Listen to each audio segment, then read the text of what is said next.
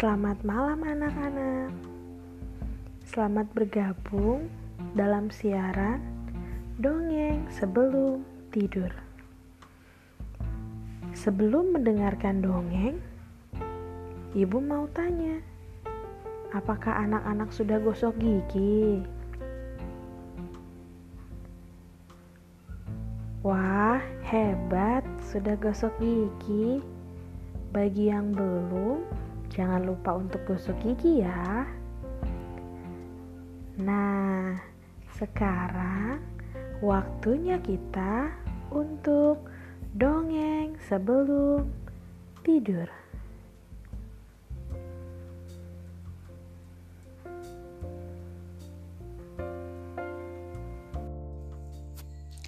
Halo anak-anak, malam ini Ibu Laura akan mendongeng dengan judul Pohon Cemara. Di sebuah rumah tinggallah kakak beradik bernama Luna dan Lona. Mereka sangat senang bermain di hutan dekat rumah mereka. Di sana ada pohon cemara kecil. Pohon itu berdiri di suatu tempat cantik dan bebas. Matahari bersinar terang dan angin bertiup lembut dikelilingi pohon-pohon yang tinggi dan kuat. Oh, selamat pagi. Lihatlah betapa indah hari ini. Banyak burung-burung yang terbang. Hahaha. huh, hari ini indah sekali.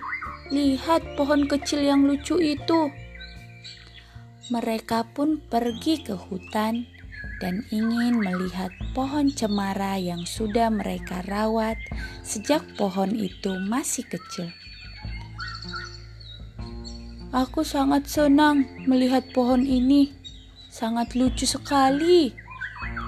Lona, sebentar lagi kita akan menyambut Natal. Apakah kita akan menghias pohon Natal? Iya, Luna, aku tahu. Tapi apakah papa dan mama akan dapat membelikan sebuah pohon Natal? Aku tidak mau. Papa dan mama sedih karena mereka tidak dapat membelinya.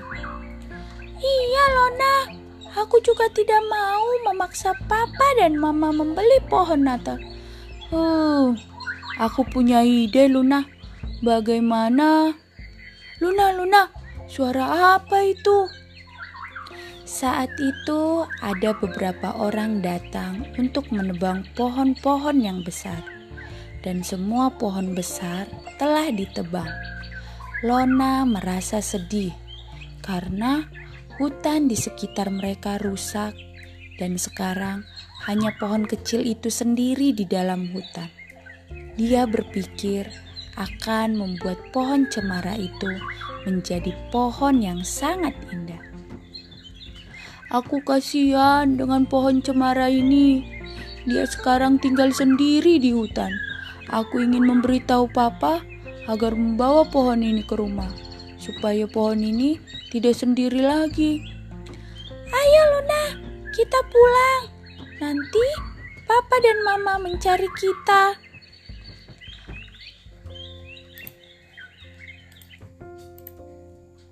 Mereka pun pulang dan Lona dengan semangat menceritakan apa yang mereka lihat tadi di hutan kepada papa dan mamanya.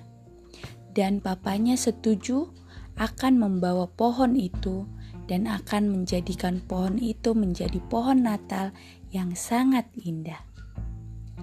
Keesokan harinya, Lona dan Luna bangun dari tidurnya. Mereka melihat di ruang tengah ada sebuah pohon Natal yang sangat indah, dan mereka merasa senang sekali karena mereka bisa merayakan Natal dengan pohon Natal. Dan akhirnya, dengan kesabaran dan akan peduli dengan lingkungan, si pohon cemara kecil itu terpilih menjadi pohon Natal. Sekian dongeng sebelum tidur untuk malam ini. Sampai bertemu di dongeng berikutnya. Sebelum tidur, Jangan lupa berdoa dulu ya. Selamat tidur, selamat beristirahat. Tuhan Yesus memberkati.